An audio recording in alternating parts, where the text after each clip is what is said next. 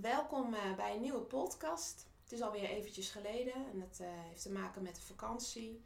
Uh, in de vakantie ja, zijn mijn kinderen thuis. Heb ik eigenlijk geen tijd gehad om ja, een nieuwe podcast te maken. Maar vandaag heb ik ook een andere podcast dan jullie van mij gewend zijn. Ik heb namelijk mijn man uitgenodigd en ik heb aan hem gevraagd of hij het leuk zou vinden om mij een keer te interviewen over uh, wat ik aan het doen ben en over uh, de raakvlakken met uh, narcistisch misbruik. En nou, vandaag ben je hier dan. Mm -hmm. Ik wil je welkom heten bij deze uitzending. Dankjewel. En, ja, ehm, nou ja. Leuk. Ik vind het fijn dat je het wilt doen en ik wil aan je vragen van, nou, start de interview en nou, brand maar los. Oké, okay. nou dankjewel. Ik vind het leuk erbij te zijn. Um, ja, nou ja, je bent natuurlijk heel erg bezig met uh, het verwerken van je verleden, ja. met uh, narcisme, narcistisch misbruik, mm -hmm. de invloed ervan op je eigen leven. En daar weet ik natuurlijk ook heel veel van, omdat ik dat van nabij heb meegemaakt. Ja. En uh, nou, daar ben je nog steeds mee bezig. Hè? En ja.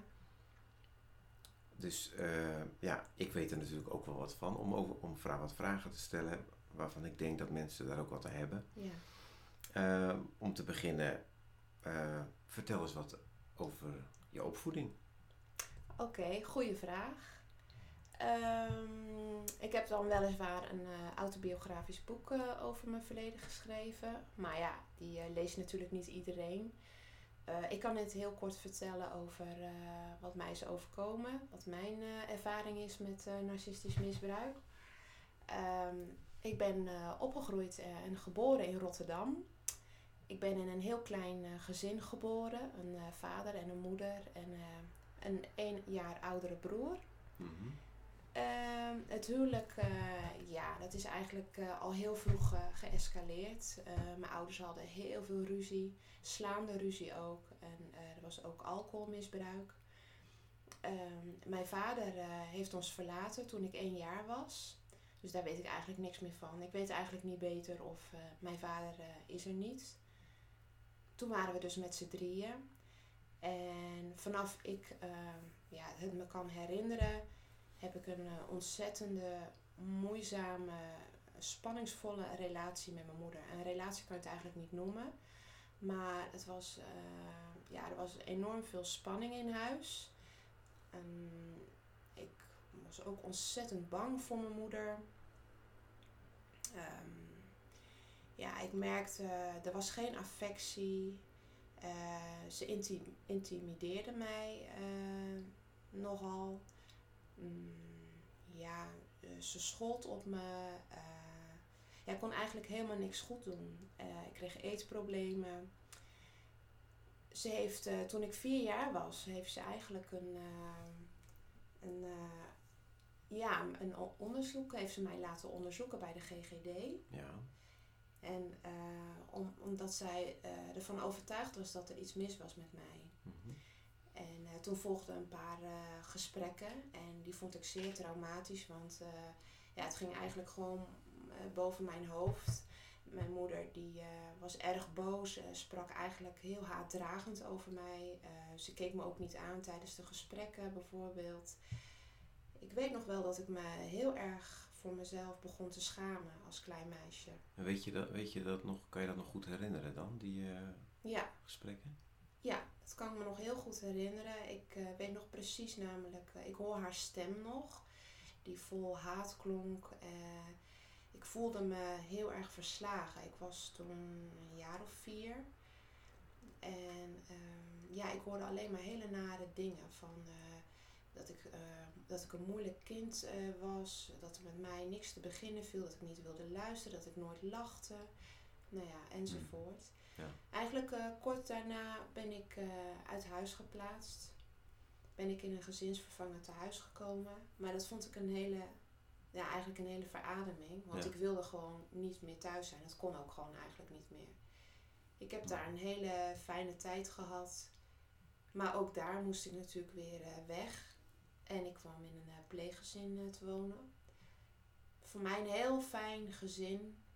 Met eh, een heel normaal gezin. Twee broers. boven mij en een vader en een moeder. Ehm, maar al gauw kwam mijn moeder weer in beeld. Die wilde toch weer contact met mij. Terwijl ik het eigenlijk heel fijn vond om, het, om juist geen contact met haar te hebben. Ik kwam eindelijk, eindelijk tot rust. Ja. Maar goed, eh, ze wilde toch dat ik weer thuis kwam. En om het verhaal wat korter te maken, kwam ik eh, op mijn twaalf of mijn elfde alweer thuis te wonen. En dat was eigenlijk het begin van het einde. Ja. Jeugdzorg heeft eigenlijk gewoon niet goed zijn werk gedaan. Die had eigenlijk kunnen weten dat, het, eh, dat ik daar helemaal niet aan toe was. En dat de spanning tussen mij en mijn moeder gewoon ja, zo hevig was dat er eigenlijk niet veel veranderd was. Ja. Maar toch kwam ik thuis te wonen. En uh, ja, toen werd het eigenlijk na drie maanden het eigenlijk alleen maar nog erger. Uh, mijn moeder zei eigenlijk al heel snel van ga maar naar je kamer. Je bent eigenlijk niet meer welkom beneden. En ja, ik werd een heel eenzame, heel eenzaam meisje. Ja, je bent eigenlijk gewoon opgesloten. Ja, ik werd geïsoleerd binnenin het gezin. Dus ik had uh, eigenlijk geen contact meer met mijn broer. Ja, zoals ik net al zei, ik had eigenlijk straf. Waarom weet ik niet. Ik at ook boven op mijn kamer, et cetera. Nou ja, al gauw werd ik uit huis geplaatst op mijn twaalfde. Ging naar een gezinsvervangend huis weer.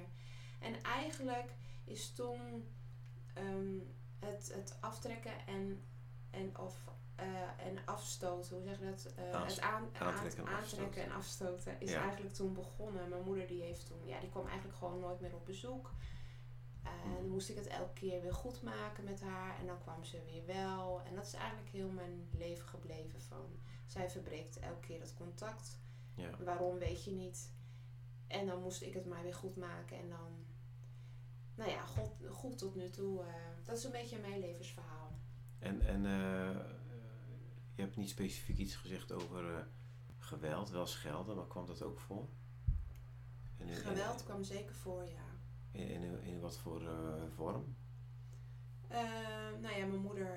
eh, nou, het ergste vond ik eh, sowieso dat mijn moeder. eh, dat mijn moeder eh, mij negeerde. Ja. En dat kon, kon ze echt wekenlang volhouden. Ze werd wel fysiek, zeg maar. Tenminste, ze sloeg op het moment dat ik dingen ontkende die ik niet gedaan had. Ja, dan, dan kwam er wel geweld Ja. in voor. Dat het ze aan mijn haren trok. Of... Maar de intimidatie vond ik eigenlijk het allerergste. De Ja. angst, voortdurende angst. De- ja, ik leefde in voortdurende angst. Ja. Ja, heftig. Ja, ik weet er natuurlijk al eh, heel Ja. wat van. Ehm, en ehm, nu zoveel jaren later ben je, eh, je bent erachter gekomen hè, wat, eh, wat het uite- uiteindelijk is. Hè. Tenminste, er is een naam aan gegeven, narcistisch misbruik. Ja, Nou, dan weet je dingen hè, en, en dan kan je er een naam aan geven. ja. Maar goed, en dan ben je natuurlijk nog altijd, heb je het altijd nog niet verwerkt. Dus Mhm. hoe, hoe kijk je nu naar al die jaren, eh, het contact wat je hebt gehad in de loop van de jaren met je moeder wel en niet? Hoe ga je om met vergeving bijvoorbeeld en hoe kijk je daar tegenaan? Dus naar zowel je vader als moeder. Want dat is best wel heftig natuurlijk. Ja, zeker. Ehm, ik heb heel erg geworsteld met vergeving. Ja, Ik, eh, ik, geloof, ik geloof zeker in de kracht van vergeving. ja, Ehm, ja, maar ik geloof dat vergeven een proces is. Tenminste, bij mij wel. Mhm. Ik heb eh, een tijd eh, lang over na moeten denken en ook mee geworsteld of ik wilde vergeven. Ja. Want ik zag ook de schade in mezelf. Zelfs tot in mijn volwassenheid. Ehm, de schade was zo groot in mij dat ik ook dacht van ja. De worsteling was eigenlijk van stel dat ik vergeef, dan komt zij er gewoon makkelijk van af. Ja. Maar ik ben me eigenlijk meer gaan verdiepen in wat betekent vergeving. Mhm. En ik ben er dan zelf achter gekomen, ook natuurlijk omdat ik geloof in God. Ben ik er zelf achter geko- gekomen dat eh, God eh, dwingt mij niet om te vergeven, dat ten eerste. Maar ik voelde mij, ja, in die zin heb ik het willen onderzoeken. Wat betekent vergeving? Ja. Betekent vergeving van, nou dan keur ik het goed wat jij gedaan hebt. Ja. Of eh, vergeef is vergeving, doe ik het voor mezelf. Mhm. En ik geloof dat je, eh, dat je vergeeft ook voor jezelf. Dus dat je daarmee ook eigenlijk tot een soort van rust komt. En dat je eigenlijk zegt van ik laat het hele proces, hoe het verder gaat met mijn moeder, laat ik los. Of Ja. met je narcistische vader kan natuurlijk ook. Mhm. En het, ik laat het proces los. Ik laat haar los. En ik wil vergeven omdat ik, als ik niet vergeef, kan ik, ehm, kan ik, ja, kan ik geluk niet ervaren. Ja. Geluk. En, en, en kan ik niet genieten. Want dan ben ik altijd bezig in mijn achterhoofd van. Oh, waar is ze? Wat is ze aan het doen? En eh, Ja. ik hoop dat het haar slecht gaat. En, en dan krijg je al die emoties. En dan blijf je toch eigenlijk altijd wel met haar bezig. Dat, en dat wil ik dus niet. En op het moment dat ik zeg van nou, ik vergeef voor mezelf om de ballast kwijt te raken, heb ik gemerkt dat dat inderdaad zo werkt. Dat je het kwijtraakt. En dat je dan eigenlijk ehm, bezig bent met je eigen genezingsproces. Dat die dan eigenlijk dan pas begint. Want omdat je dan pas na vergeven echt kan gaan rouwen. Ja, dat is Zo ervaar ik ja. dat. Ja. Dat je dat zegt, ja. Want eh, ehm, als je niet vergeeft, zou je kunnen zeggen natuurlijk dat alle boosheid, woede, haat, al- allemaal op zich natuurlijk begrijpelijke dingen, maar die zijn wel, houden je juist gebonden aan de persoon hè, die jou Ja, geweld heeft aangedaan. Hè? ja, dat geloof ik ook, ja. En als je dat kan loslaten, wat, en dat is eigenlijk dan wat vergeving is, zou je, zeg jij eigenlijk. Het, Ja. het loslaten eh, is niet die persoon goedkeuren Nee. of zijn gedrag, maar jij laat los wat jou is aangedaan. En dan kan je eigenlijk pas je eigen proces van herstel beginnen, omdat je niet meer vastgebonden bent aan die ja. dader, zeg maar. ja, ik geloof dan dat je dan eh, zeg maar zelf de navelstreng daarmee doorknipt. En dat je dan eigenlijk eh, weer opnieuw autonoom kan worden. Dus dat je niet meer in je gedachten eh, met je narcistische moeder zit van ik moet iets met haar. Want ik geloof ook niet dat als je vergeeft dat je daarmee de deur weer open moet doen voor je narcistische moeder. Je kan vergeven en toch de deur dicht laten voor haar. Want ze heeft eh, het vertrouwen. Je kan haar niet vertrouwen. Dus waarom zou je iemand, ook al is het je moeder of je narcistische vader of je narcistische zus of broer eh, of, je, of je echtgenoot of, of wat dan ook, toelaten in je leven? Mhm, Dus ja. ik geloof zeker dat als je, als je, als je vergeeft, dat het dan niet, dat het dan niet be- automatisch betekent dat je dan diegene weer in je leven moet laten. Je kan Mhm. vergeven in je hart en in gedachten. En dat is ook een proces. Maar daarmee toch zeggen van, je blijft wel uit mijn leven. Ja, je zet niet de relatie voort met iemand die jou misbruikt en eh, voortdurend eigenlijk, ja, omdat hij niet kan liefhebben, eigenlijk alleen maar vernietigt. Ja. Ook al is het je moeder of vader. Ja, ik geloof dat Ja. je mag geloven dat je een keus, dat je een keus Ja. daarin mag maken of je dat wel of niet wil doen. Jij hebt dat gedaan natuurlijk. Een paar keer hebben we, heb jij natuurlijk ook nog contact gehad, een korte periode. Ja, En dat is nu een, hoe lang? Een paar jaar geleden? dat is vijf jaar geleden nu. Ja. En eh, eh, hoe, hoe, hoe is dat nu voor jou, dat je, helemaal, dat je die keuze hebt gemaakt? Hoe is dat voor jou nu, dat je weet van nou ik heb nu de deur definitief dicht gedaan? Geeft het jou meer rust? Want daarvoor was je altijd bezig met toch je moeder wel Ja, of niet, eh, klopt, ja. contact wel of niet. En dat was heel Ja. spanningsvol. En nu is er meer rust? Of? Eh, ja, al moet ik wel zeggen dat het best wel wat jaren heeft geduurd voordat ik eh, tot de conclusie kwam: ik wil dit niet meer.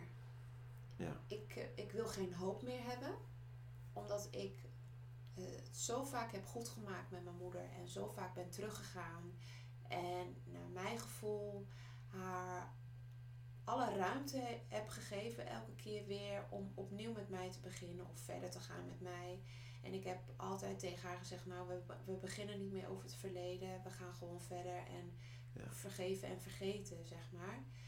En eh, ja, ik ben daar zelf niet beter van geworden. Nee. elke keer dat zij het contact met mij verbrak, werd ik eigenlijk zieker.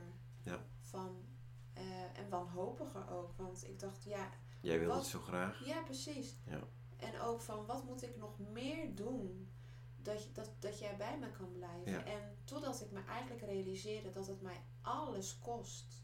Ja. En zelfs mijn eigen gezin. Dat ik dat ook nog eh, ja, voor op het spel zette. Met alle spanningen van dien. Van, eh, ik wil dat het goed komt. Ja. Ik wil die goedkeuring. Ik wil dat, dat ze me lief vindt. Ik wil dat ze van me houdt. En eigenlijk is dat een proces eh, ook geweest van...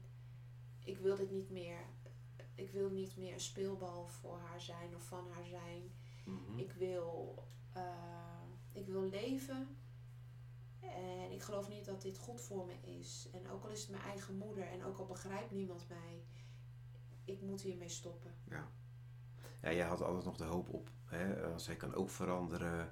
Ja, Het is lang geleden en is nu, zijn we nu weer tien jaar verder.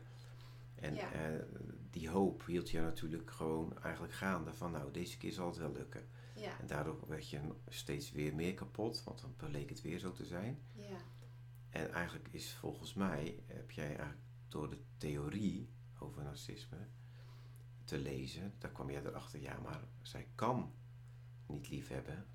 Dus hè, als ik doorga, ga ik alleen maar meer kapot. Het is een illusie.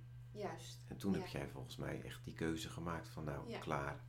Dus zij kan het niet, dus het is einde oefening. Dus Ja, het is en de- je eigen ervaring, maar ook kreeg jij de bevestiging hè, van... Nee, maar het, het zal gewoon dus nooit gaan gebeuren. Dus ik moet het stoppen.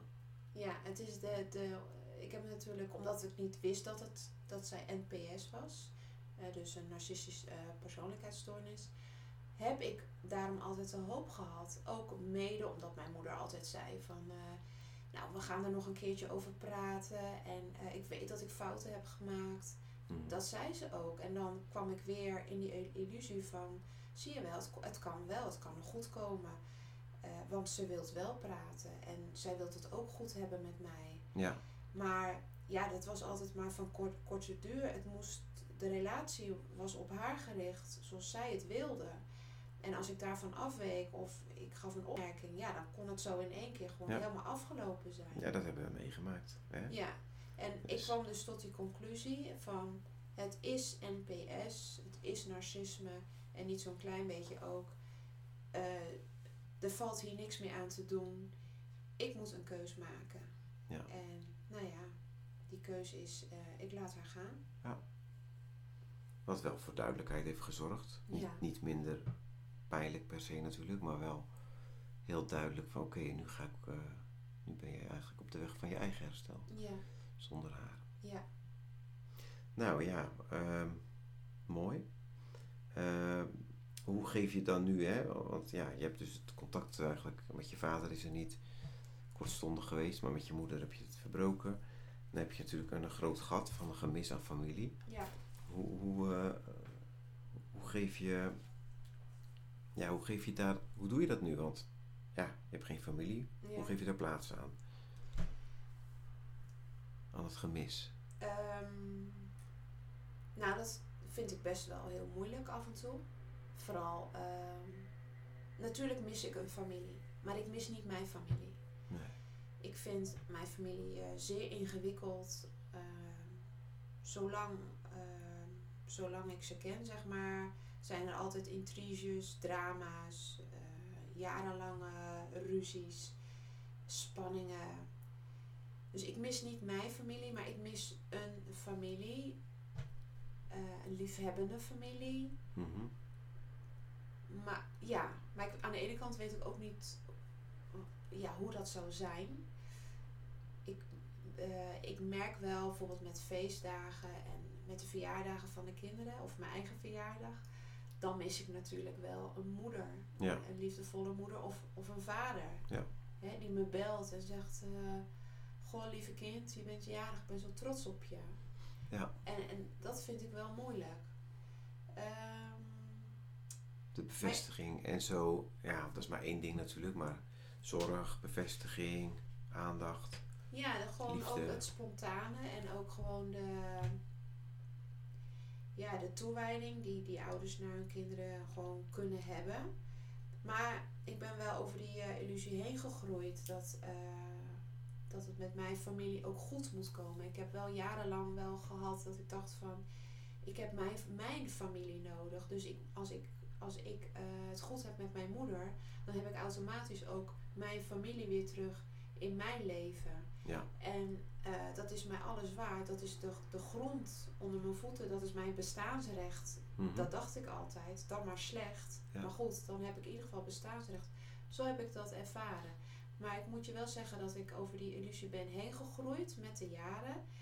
En dat ik eigenlijk eh, ja, er vrede mee heb van ehm, dit kan niet met mijn familie. Dat, dit, dat is niet mogelijk, want dan hangt het van mij af. Mhm. En ik dacht ook altijd dat het van mij afhing. Dat was ook de boodschap van mijn moeder naar mij. Van als jij maar dit en als jij maar dat, dan waren er geen spanning. Nu weet ik wel beter. Ik weet ehm, dat ik het zelf moet doen in mijn leven. Ik weet bijvoorbeeld dat je, als het niet met je eigen familie kan, dat je bijvoorbeeld wel een liefdevolle schoonfamilie kan hebben. Of dat je het kan opvullen met vrienden. Zelf eh, je familie kiezen eigenlijk. Ja, Maar dat is natuurlijk ook moeilijk, want je weet eigenlijk, eigenlijk niet hoe normale relaties gaan. Dat heb je niet geleerd. nee. Ja, dus dat, dat geeft ook weer ehm, eh, bij jou ook best natuurlijk, want ja, ik kan de vragen stellen, maar ik maak natuurlijk alles mee. Ja, Hè, het dichtbij laten van mensen heeft natuurlijk weer een enorme impact, omdat dat weer hè, het vertrouwen wat je dan moet geven, dat, dat is natuurlijk een groot drama altijd geweest, het vertrouwen wat je nooit hebt gekend. Hoe, hoe, eh, hoe worstel je daar op dit moment mee? Hoe, hoe zit je daarin? Ehm, nou, ik ben zelf eh, erg codependent geweest. Dus eh, ja, ik ben erg afhankelijk geweest van, van mijn eigen waarde die mij, de omgeving aan mij gaf. Ja. Ehm, daar was ik afhankelijk van. Dus ja, hoe moet ik het zeggen? Ik moet zeggen dat het heeft een enorme impact gehad op mijn, eh, mijn relaties om me heen, maar ook in mijn huwelijk. Dat ik eigenlijk ehm, mensen niet heel dichtbij kan laten. Want aan de ene kant beangstigt mij dat heel erg, van wat wil je van mij? Ja, En aan de andere kant heb ik ook een enorme angst voor dat ik niet kan voldoen aan de verwachtingen van anderen. ja, En dat is mijn grote angst eh, van, ja, ik kan daar niet aan voldoen. Wat jij van me wil, dat is te veel. Ik, ik, eh, dat benauwt mij ook. dat je daar dan do- weer door wordt eh, afgewezen of niet? Ehm, nou, niet wordt afgewezen. Nou, misschien wel dat mensen. ik ben eigenlijk bang dat om me dan te hechten. Ah. En als ik dan één ding verkeerd doe, dat dan iemand dan weer het contact zomaar met mij verbreekt. En dan voel ik weer diezelfde pijn die ik elke keer met mijn moeder heb ervaren. Ja. Maar ik wil het wel. Ik Ja. zou het, ik, als ik mensen zie die eh, intieme vriendschappen hebben, dan vind ik het mooiste wat er is. Samen het leven vieren. Ja. Je Ja. wil het wel, maar het is gewoon de. Nou ja, wij hebben natuurlijk ook dat soort dynamiek in onze relatie. Met, eh, hè, met eh, moeite met vertrouwen en al die dingen. Dus, dus Ja. dat komt natuurlijk uit leven gegrepen. Ehm, ja, hoe, hoe zit het met, eh, met het verleden achter je laten? En de mensen zeggen wel eens vaak van. eh, ja, je moet het verleden achter je laten. Ja. Hoe, hoe, hoe, eh, hoe, hoe kijk jij er tegenaan? Hoe ervaar je dat? Als mensen zeggen van nee, het verleden achter je laten. Voor jou is dat natuurlijk een hele ja, grote kluif. inderdaad. Ja, dat, Kan is- dat wel? Nou, ik eh, moet zeggen dat ik dat ook wel, wel eens gehoord heb van... eh, ja, je moet gewoon verder gaan en je moet het verleden achter je laten. Wat heb je daar nou aan om eh, in je verleden te verroeten? En je moet verder, je moet verder gaan. Maar ja, in het begin voelde ik mij dan wel afgewezen. Maar dat, dat heb ik eigenlijk de laatste jaren niet meer. Want ja, ik vind, dit zegt eigenlijk meer over de onwetendheid over NPS-ouders dan over de slachtoffers. Ja, Ik, eh, ja, zoals ik al zei, vroeger trok het mij dit heel erg aan. Eh, maar dat heb ik niet meer zo. Want eh, ja, wat wij meegemaakt hebben is... ja, is vaak een hele totaal andere realiteit Mhm. dan, ja, dan, dan de gewone mensen of de niet-slachtoffers, om het zo maar te zeggen. Die, die hebben gewoon hele andere, die hebben dit soort dingen niet meegemaakt. Dus dat kan je niet met elkaar vergelijken. Ehm, als je je verhaal vertelt of je vertelt flarden van je, van je verleden, schrikken mensen. Het Mhm. overvalt ze. Dus ja, ik kan het ze eigenlijk niet kwalijk nemen dat ze niet weten wat ze moeten zeggen of hoe ze moeten reageren. Ik geloof niet dat ze het slecht bedoelen als ze zeggen van je moet het achter je laten. Ze willen je vaak eh, bemoedigen. Ja, En eh, ja, als mensen niet weten wat ze moeten zeggen, dan zeggen ze gewoon vaak van joh, het meest gangbare. Zo van eh, joh, eh, laat maar lekker gaan joh, je moet gewoon aan jezelf denken. Ga gewoon verder, je bent het waard, dat soort dingen. ja. Ehm, ja, wat ik wel wil zeggen is, ik vind wel dat je voorzichtig eh, mag zijn met aan wie je je verhaal vertelt. Om jezelf te beschermen.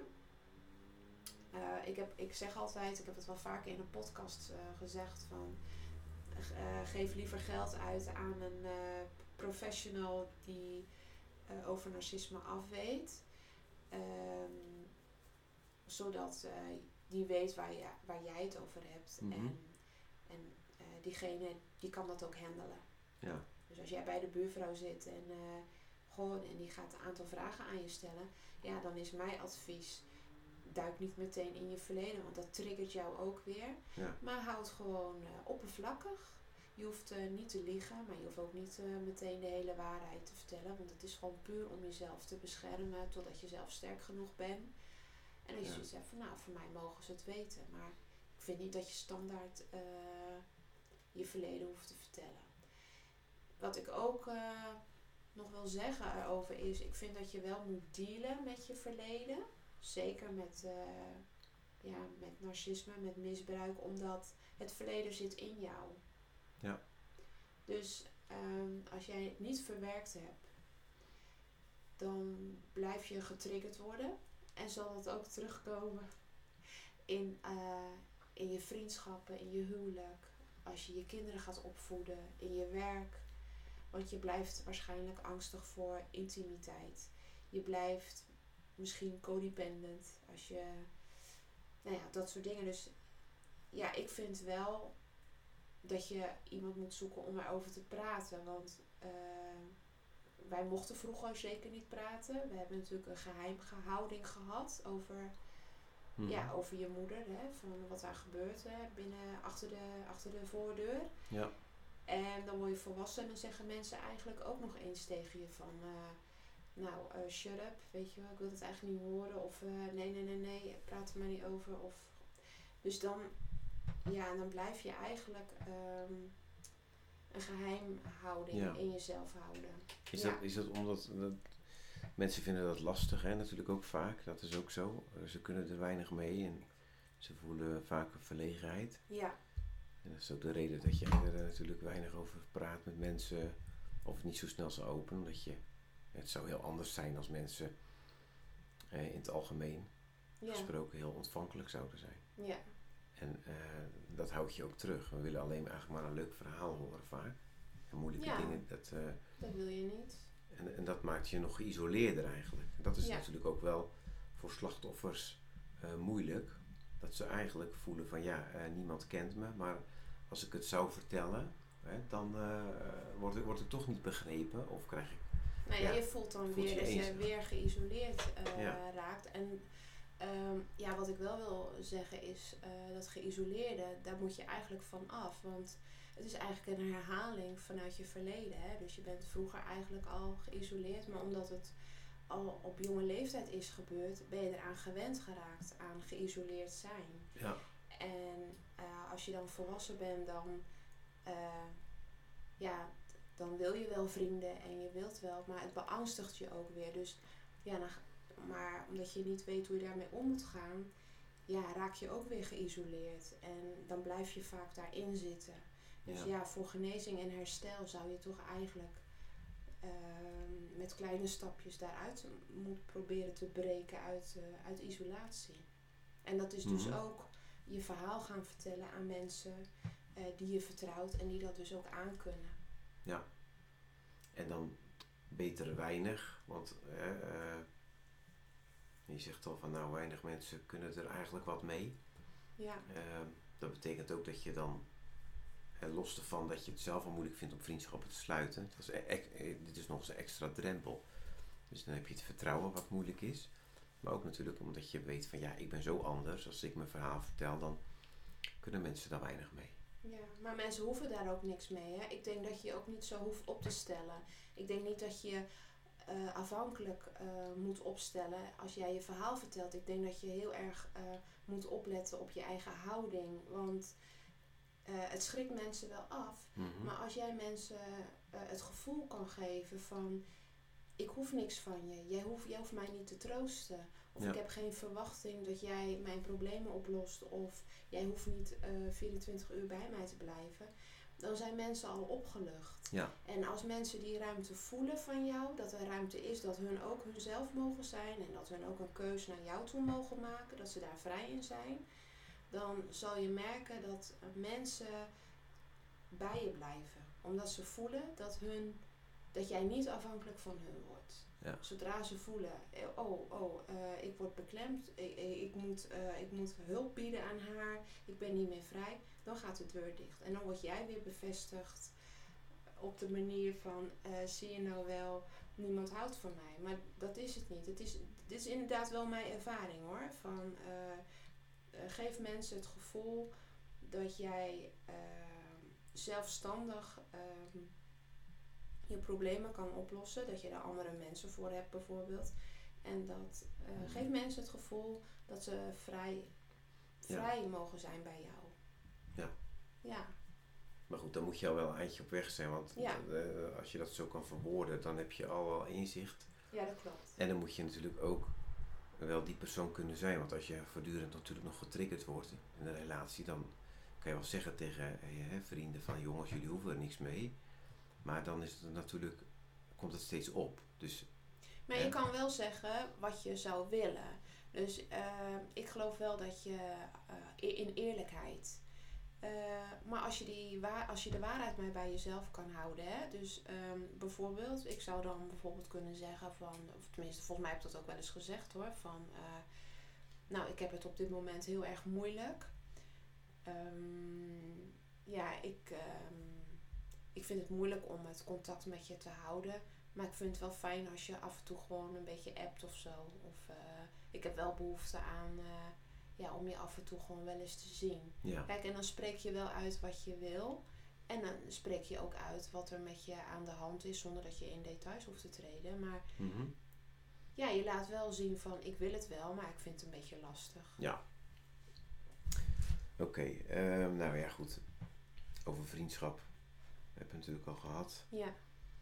Ehm, hoe kijk je naar de toekomst? Of wil je daar nog wat over zeggen? Over relaties met vrienden en hoe je dat doet? Omdat het natuurlijk best wel een topic is. Ehm, nou ja, voor veel ik- mensen, denk ik. Want Ja. je, ja. Nou, ik ben eh, heel erg bezig eh, met, met mijn eigen herstel en met genezing.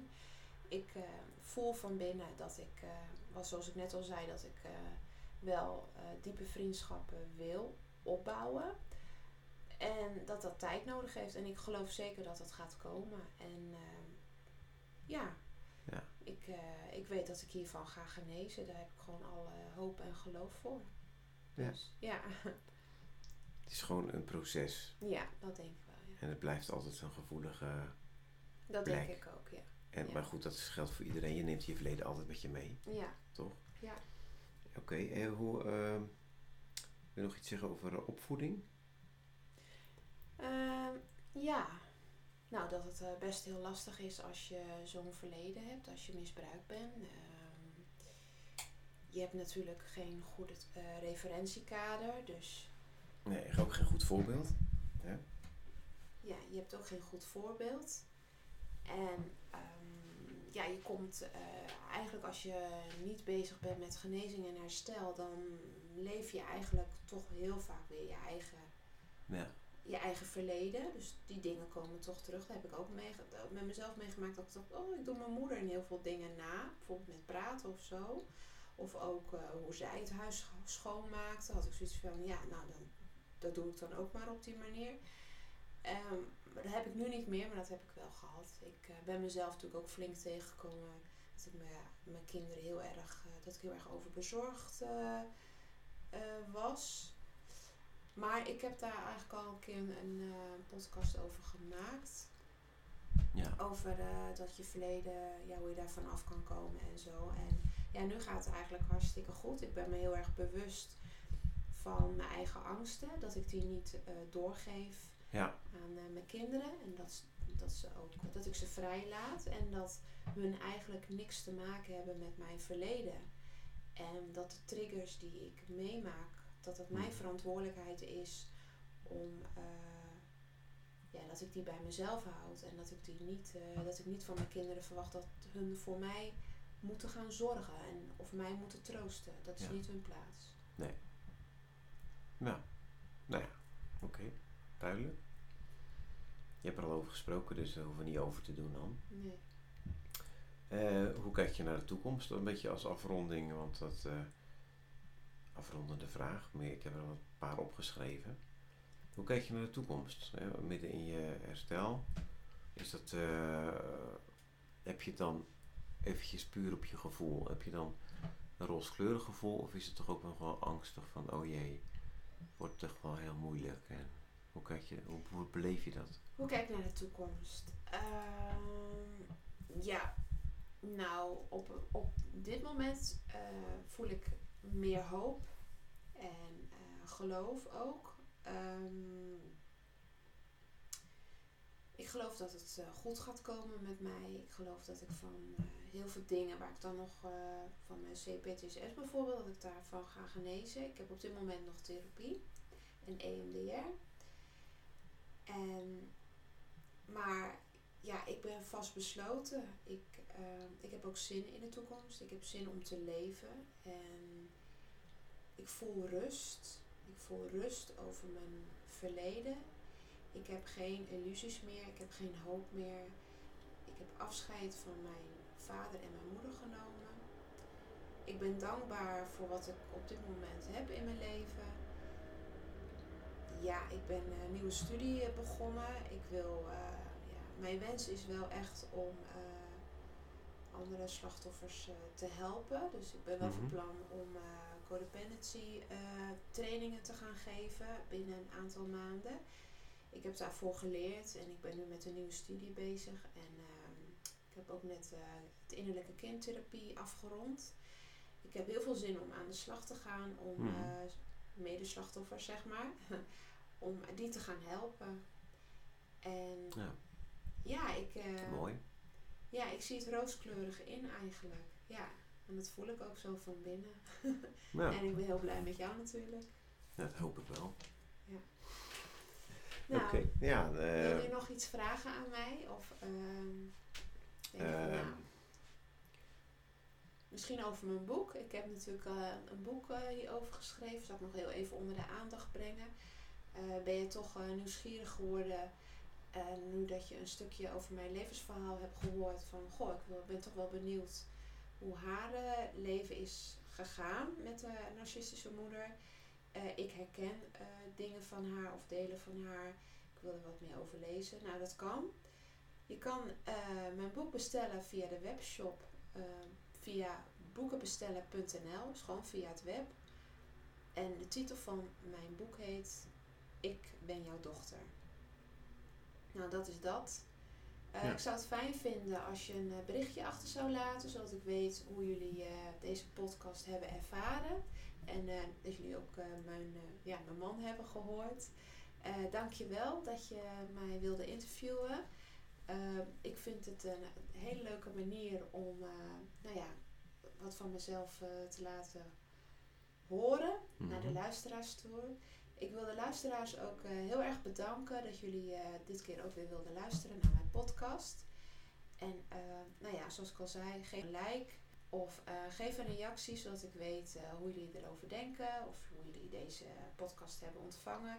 En jullie mogen ook suggesties geven als jullie.